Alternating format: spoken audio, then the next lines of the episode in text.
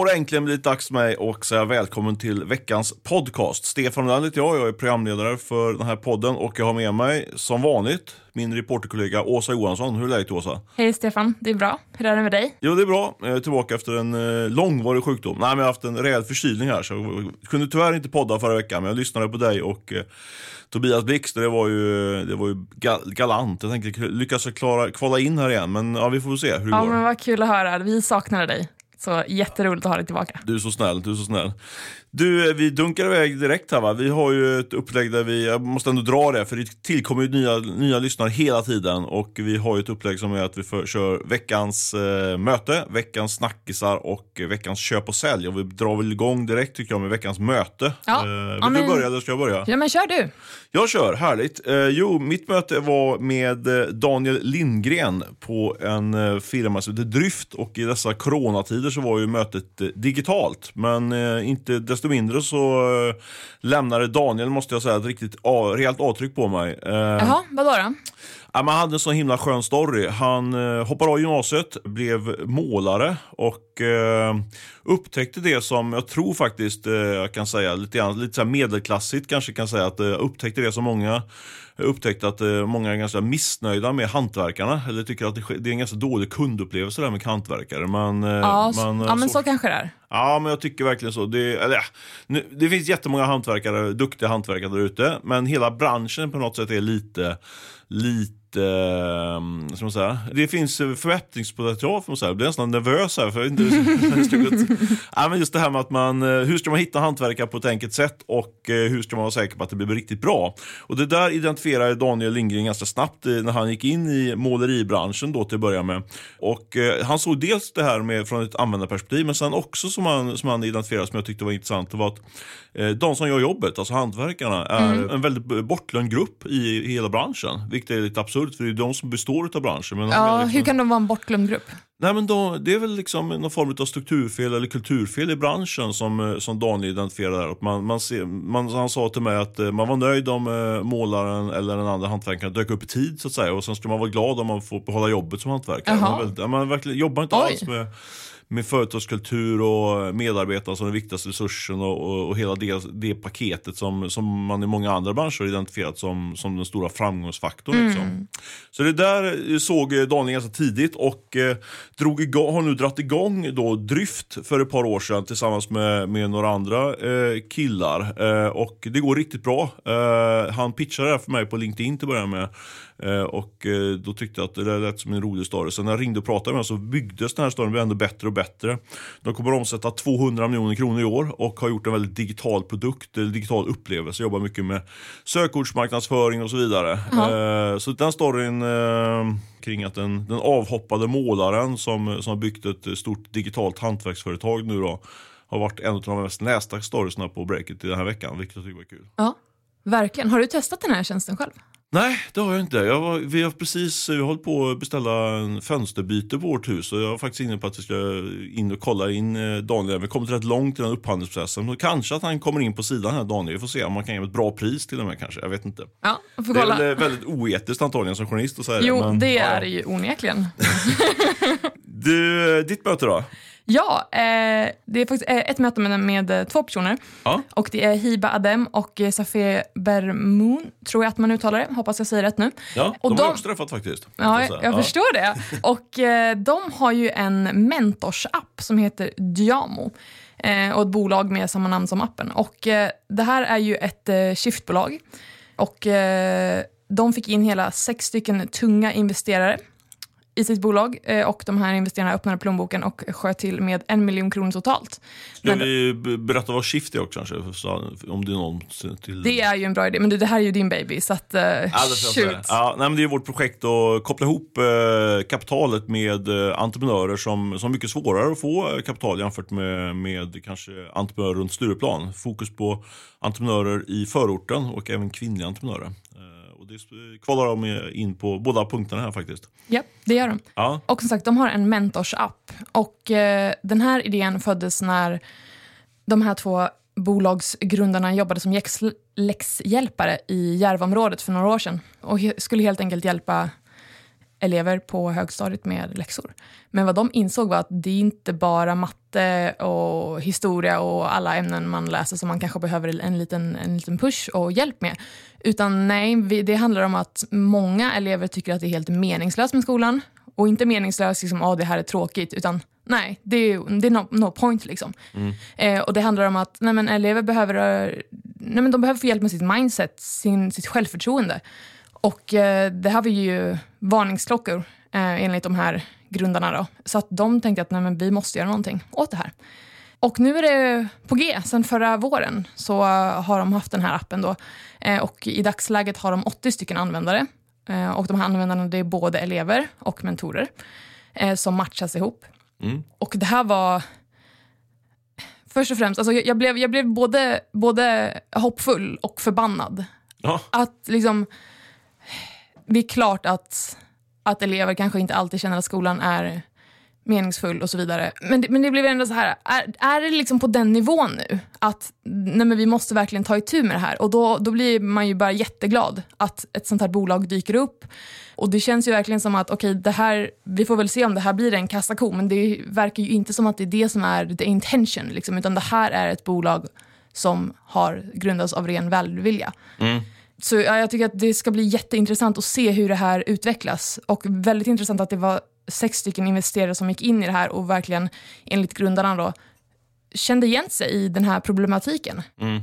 Men jag kommer ihåg när de fick kapital, att det var just det här du säger att man eh, det är inte bara liksom för att bli rik som man gör det här kanske, utan det är för att man vill verkligen göra skillnad. Och det har de gjort med 80 pers då redan. Liksom. Eh, ja, precis. Och eh, jag tror också att det, när jag pratade med, och det var det de gav uttryck för på, i samband med pitchen också, i de här som investerarna som gick in, att de kände verkligen att det här är någonting som absolut kan ha kommersiell potential men också och kanske framförallt ha liksom en social impact på något sätt i, i samhället. Så, ja, det är verkligen eh, bra exempel på när, eh, när man kan bygga en affär samtidigt som man kan göra gott tänker jag. Ja men verkligen.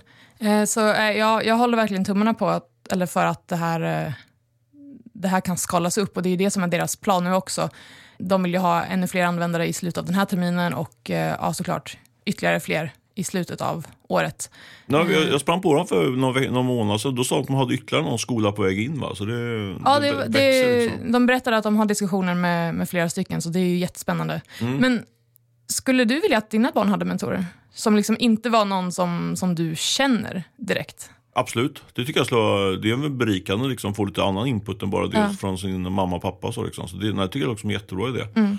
Men jag tror verkligen på det här liksom att uh, det är ju liksom en, någon form av polarisering där, liksom, mot, med, mellan de här liksom överengagerade föräldrarna och de föräldrarna som kanske, som kanske inte har ork eller tid att hjälpa till nästan någonting. Liksom. Så där, mm. där finns det liksom ett, en, en glipa som man behöver komma in och täcka upp. Liksom, mm. ja. Jag vet inte om jag till, vilken kategori jag tillhör riktigt. Men, men uh, ja, absolut, jag skulle kunna tänka mig att använda den där. Tror jag. Ja. För det, de hade tydligen, alltså det, det är ett ganska bra säkerhetstänk ändå. För att eleverna är tydligen anonyma i den här appen. Mm. Medan eh, mentorerna inte är anonyma. Så att man, man träffas aldrig, man pratar inte, utan man chattar. Just det. Det är i alla fall Du tänker på den aspekten, absolut. Ja. Jag, tänk, jag, jag, tänkte inte de banorna riktigt, men absolut, det är klart att det, när man tänker ett varv till, liksom, när det blir på riktigt, liksom, då skulle mm. man nog vilja ha den backupen. Så det är skönt mm. att, de har, att de har tänkt på det. Ja, ja och det här liksom, de, det är ju inte så att de bara, okej, okay, vem vill bli mentor? Okej, okay, person A, B och C vill bli mentorer. Okej, okay, välkomna. Mm. Utan de utbildar de här mentorerna och det, det ska vara väldigt tydligt med att de här mentorerna ska inte säga åt eleverna vad de ska göra utan de ska vägleda och snarare visa dem möjligheter som de kanske inte har sett tidigare. Mm. Exempelvis, okej, okay, eleven tänker i, i, i bana X, men det finns tre till banor. Vad, vad tror de om det här? Eller vad tror de att tänka på det här sättet istället? Um, och sen får eleven helt enkelt utforska de strategierna eller de tankesätten mm. uh, och sen välja själv. Så att det ska inte vara någon som kommer och säger och pekar med hela handen och säger gör så här. Ja, just det. Just det. Ja, det låter som en bra pedagogisk poäng. Kul, men eh, och de, eh, de fick ju som sagt eh, kapital via Shift då, som vi faktiskt lanserar i, som en händelse. Det, måste, det var faktiskt inte en händelse, utan var, du tog upp det här oprovocerat kan man säga. Men jag måste ändå flika in det. Att, men gör det.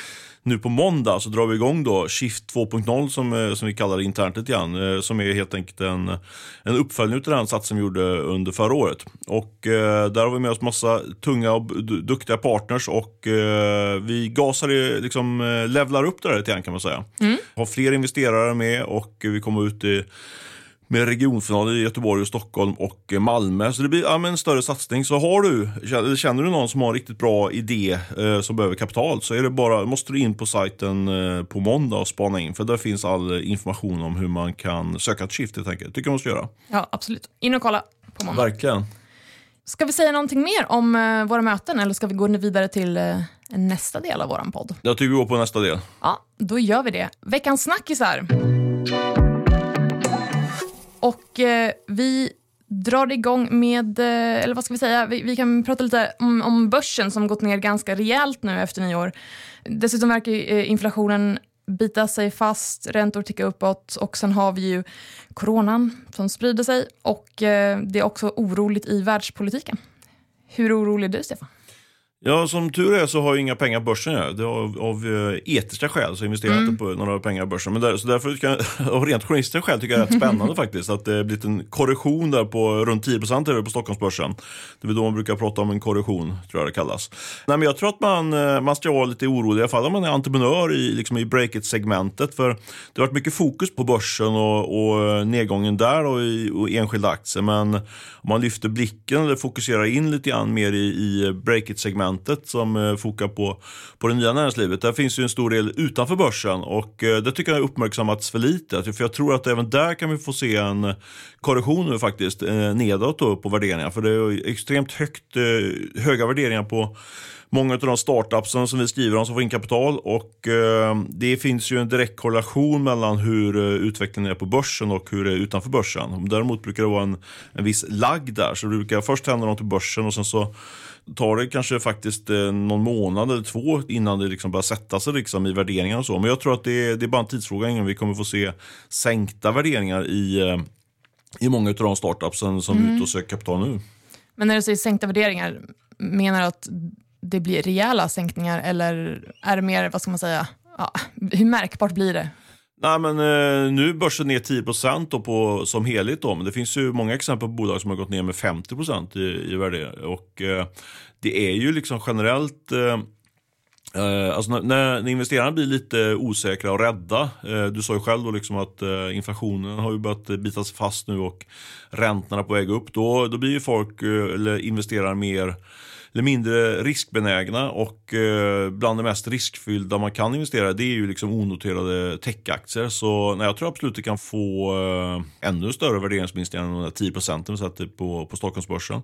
Sen är det ju väldigt mycket mellan olika bolag och så, men eh, generellt tror jag att eh, sättningen kan bli större än 10 procent faktiskt. Finns det några bolag som ligger sämre till än andra? Ja, men, eh, det som jag tänkte på innan vi, innan vi snackade om det här innan, vad vi skulle prata om, och så här, just hur börsen kan, börsoron eh, kan påverka onoterade aktier så, så kommer jag att tänka på uh, Truecaller. Och uh, inte nu, de har ju haft det svettigt börsen uh, den sista tiden med, generellt då. Men det var mm. inte det jag tänkte på utan jag tänkte med Truecaller för ett par, tre år sedan.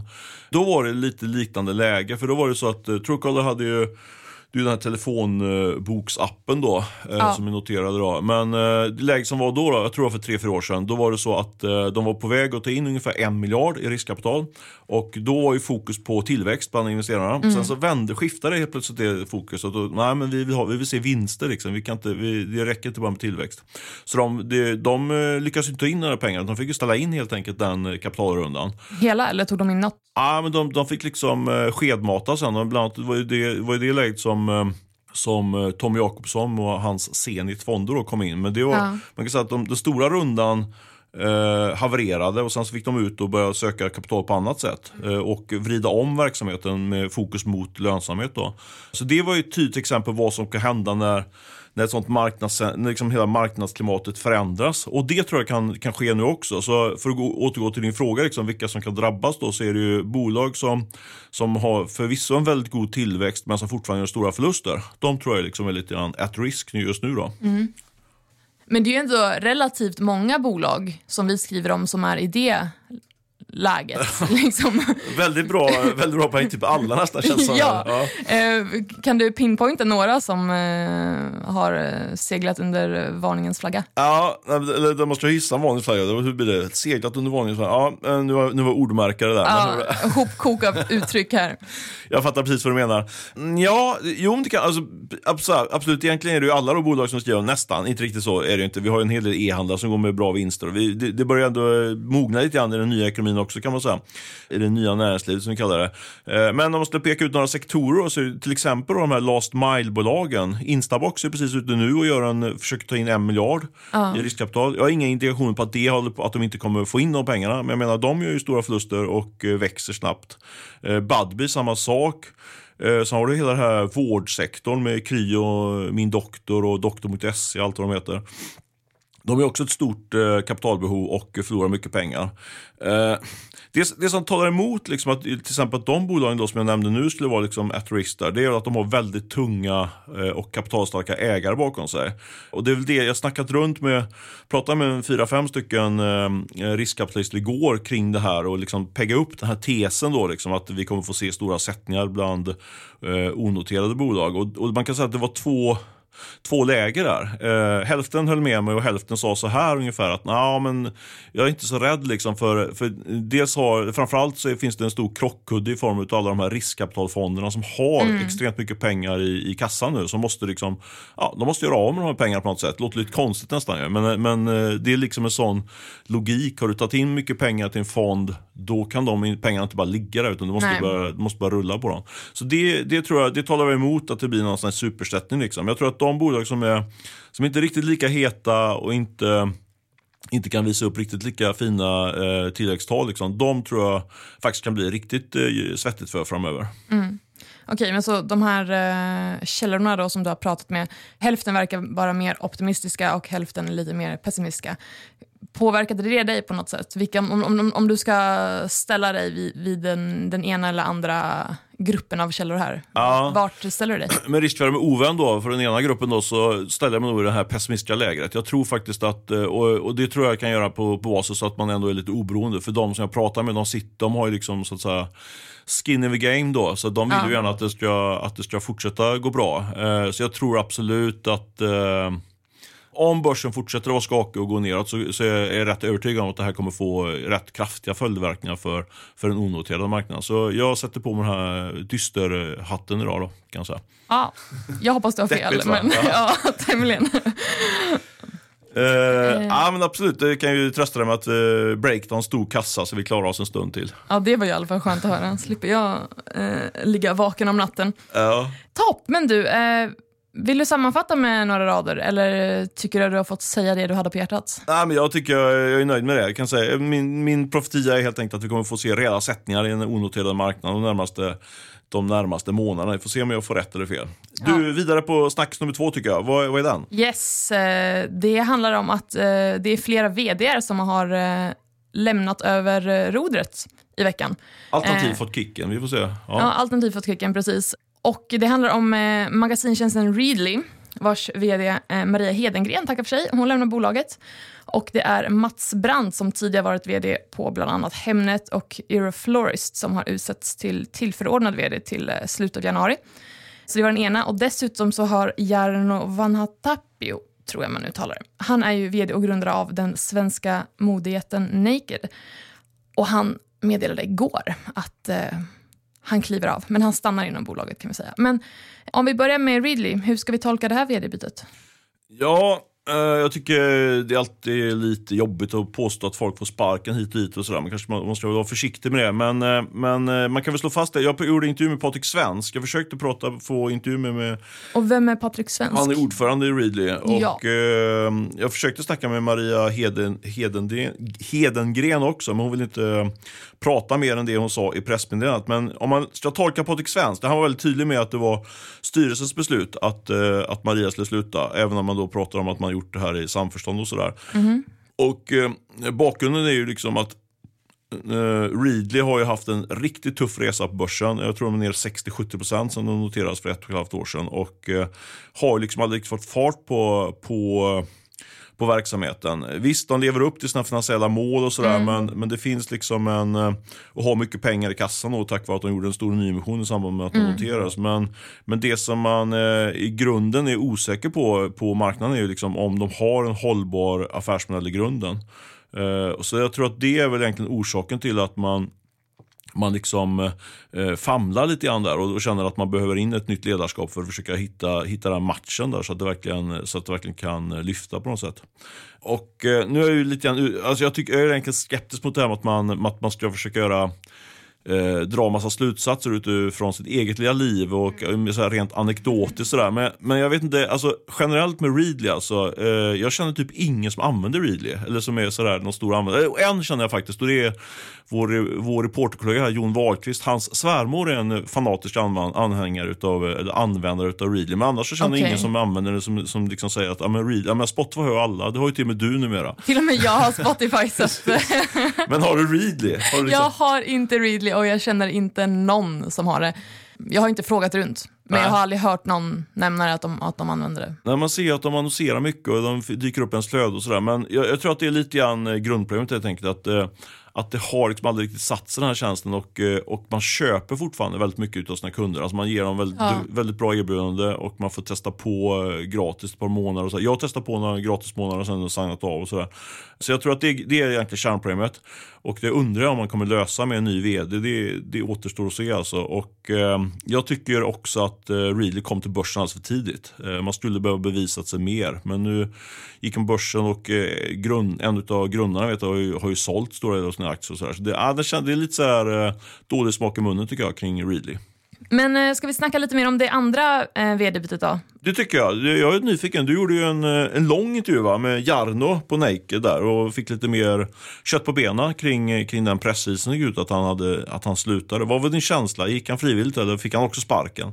Eh, han fick inte sparken. Det, det, det kan slå fast. Det, det slår vi fast, absolut. Ja. Jag fick intrycket av att han nästan har räknat dagar till att springa bort från vd-posten. Är det så? Ja. ja, men skämt åsido, men, men lite så ändå. Han var supertydlig och har varit supertydlig med att han vill inte sitta mer än eh, mellan 57 år som vd. Han vill hänga med i Marbella. Han har köpt något nytt där nu, tror jag. Något hus där och fått två Aha, barn och sådär. Så vilket, vilket skvaller. Ja. Han sätter kursen mot Spanien här. Nej, men han, eh, han vill inte vara vd mer än 57 27 år som sagt och han säger att han vill inte bli börs-vd. Och då är ju den givna följdfrågan, är bolaget på väg att ta klivet in i finrummet? Ja, det tycker jag var väldigt intressant. Jag läste ju såklart en intervju och du pressade på honom rätt bra kring det. Men utveckla, vad, ja. för man kunde läsa in en del nästan där va? Ja, alltså det här, eh, ja, nej men in, in och läs ni som inte har läst den. Eh, men han sa i alla fall att eh, han inte vill vara en anledning till att möjligheten till börsen hålls tillbaka. Vilket ändå skulle göra om, om han är kvar som vd. Men han, eh, han gav inga löften. Han sa inte att nej men det är liksom, vi håller på att förbereda inför, inför att, att gå till börsen. Utan det var mest så här, ja, möjligheten ska finnas. Liksom. Ja, men jag, tar, måste, jag, måste, jag måste in och snappa upp det här lite grann hårdare. För, för jag, det, det har ju snackats ganska mycket om att Nike ska till börsen. När jag läste det, och som jag tycker var en väldigt bra intervju som du gjorde där, det blir väldigt tydligt för mig att uh, han grann, uh, träder tillbaka för att, för att kratta manegen för en framtida notering. Så skulle jag säga. Så, så läser jag honom utifrån det, de svaren han ger till dig faktiskt. Uh, tycker, jag, tycker jag läser in för mycket. Nej, nej men uh, absolut. Det, det, är ju öppet för tolkning, ja. som man kan säga. Uh, men i alla fall, han gav inga löften. Men uh, ja, frågan om börsen kom ju upp ett antal gånger un under vår intervju. Så det är ju absolut inte förvånande om det snart kommer en liten pling i mobilen där det säger att nu är vi på G. Mm. Men nu, nu ska bolaget i alla fall sikta på att, att växa ännu mer såklart. Um, och det är Anders Christiansen som tar över. Och han har ju varit på Esprit tidigare, bland annat. Så att, ja, nej men eh, Jarno var, han var glad. Jaha. Han var väldigt glad. Känns som eh. riktigt tungvikt han Anders, en dansk va? Var han? Anders Christiansen? Det, det, vet jag faktiskt inte. Jag tror det. Jag tror jag läste det. Uh, och kändes som en sån riktig senior gubbe. Som lite mer så här, uh, tjänstemanna-vd mer än entreprenörs-vd som Jarno ändå är, får man säga. Ja, nej, men det är han ju verkligen. Eh, det är han ju verkligen. Och eh, han var ju supertydlig med att nej, men han, vill, han vill jobba med eh, kund och produkt och det, det, ja, det är verkligen det han vill göra. Så han lät lite lättad nästan. Som, Ja. Yes, nu händer det! Nu liksom. händer det. Ja, så, Jag vet inte, jag blev lite, jag blev, när det dök upp där på, på skärmarna så blev jag rätt förvånad faktiskt. Men sen när man väl... Varför då? Nej, för jag har inte hört någonting om att, att han var på väg och, och sluta. Men det var kanske underbetyg på, från mig då. För, för när man ringde runt och pratade lite grann eh, kan vi, kan vi säga att jag gjorde, slog lite grann två flugor i en smäll när jag pratade om börsen så pratade jag även med, de här, med lite folk kring, eh, kring Jarnos avhopp då. Eh, och då, det har ju tydligen varit på gång ett, ett och ett halvt år det här, det här vd-avhoppet. Ja, nej, men det stämmer. Så det, är liksom, eh, det har varit något som legat i korten och eh, som jag fattar det så är det det här då att man plockar in mer så här liksom en, en tjänstemanna-VD om man får säga så. Så eh, nu blir det mer ska jag säga, man ska inte säga att det blir mer ett riktigt boende, men liksom det blir lite mindre, lite mindre cowboy och lite mer ordning och reda. Liksom. Och eh, fo- fokus tror jag på Eh, framförallt fokus, mer fokus på lönsamhet. För bolaget går ju fortfarande med förlust men nu Ja. tror jag att de kommer att vrida om verksamheten ganska snart på, på, eh, mot lönsamhet. I alla fall på de, på de marknaderna de har varit ett tag. Sen ska de ju in, jag läste i din artikel att de är inne i Indien till exempel. Så här, liksom, Ja, där tar är en de. stund innan, det, innan man kanske får lönsamhet då. Men det, eh, så tror jag att man ska läsa det. Och sen tror jag när, just nu tror jag det är lite tjurigt att sätta bolag på börsen. Så jag tror att det kan, kan dröja något år eller två. Men när, när börsen är lite mer öpp, börsfönstret är lite mer öppet då, då tror jag att eh, Naked kommer att hoppa in i det där fönstret direkt faktiskt. Ja, jag frågade om börsklimatet och om han tycker att eh, det, är, det är en bra plats för bolaget. Och, eh, ja, nej, han, vill ju, han håller det ju väldigt öppet och eh, tycker att möjligheten finns. Så att, eh, och sen på frågan också hur han, eh, hur han ser på, på börsen just nu så var han eh, återhållsam med detaljer. Eh, men han var mer optimistisk än pessimistisk. Så, Men du, en, en annan sak som vi, som vi hade diskussion i vår släkttråd där, redaktionsråd, det var att vi, eh, Jarno drog, drog iväg ett eh, inlägg på LinkedIn. Var det väl, på, de Mm. ja, precis. Något form av öppet brev. Ja men precis och eh, det var ju en formulering som, eh, som eh, vi alla faktiskt reagerar på. Är Ja. kul höra vad du säger. Jag- Jag läsa den faktiskt här ordagrant. Han skriver så här då att jag ersätts av en man som heter Anders Christiansen. Av de tre sista kandidaterna av totalt, av totalt ett 50-tal så var det två kvinnor.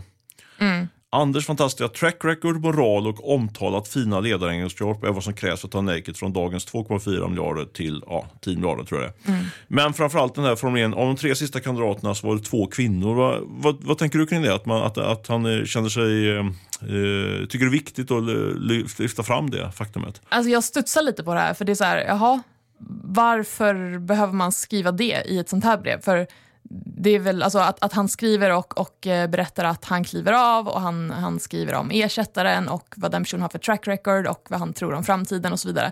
Ja men absolut, men det här att peta in att okej av, av de tre sista kandidaterna så var två kvinnor, det är så här, okej, för han fortsätter ju inte, alltså han Nej. utvecklar ju inte det, vad, what's the point då liksom?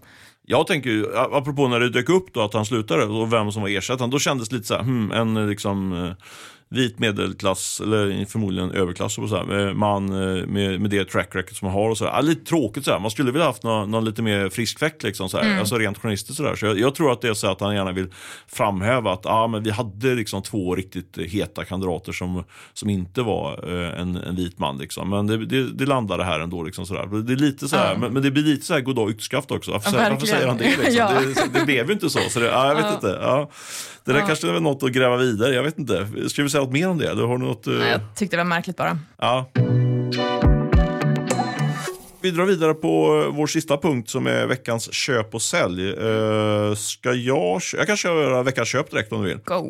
Min köp är på journalisten på Monopol Media, Åsa Settger. Eh, Jag tror att hon uttalar sitt efternamn så. Eh, För hon har gjort en, en podcast i två avsnitt på Kapitalet då, som handlar om finansmannen Mats O Sundqvist.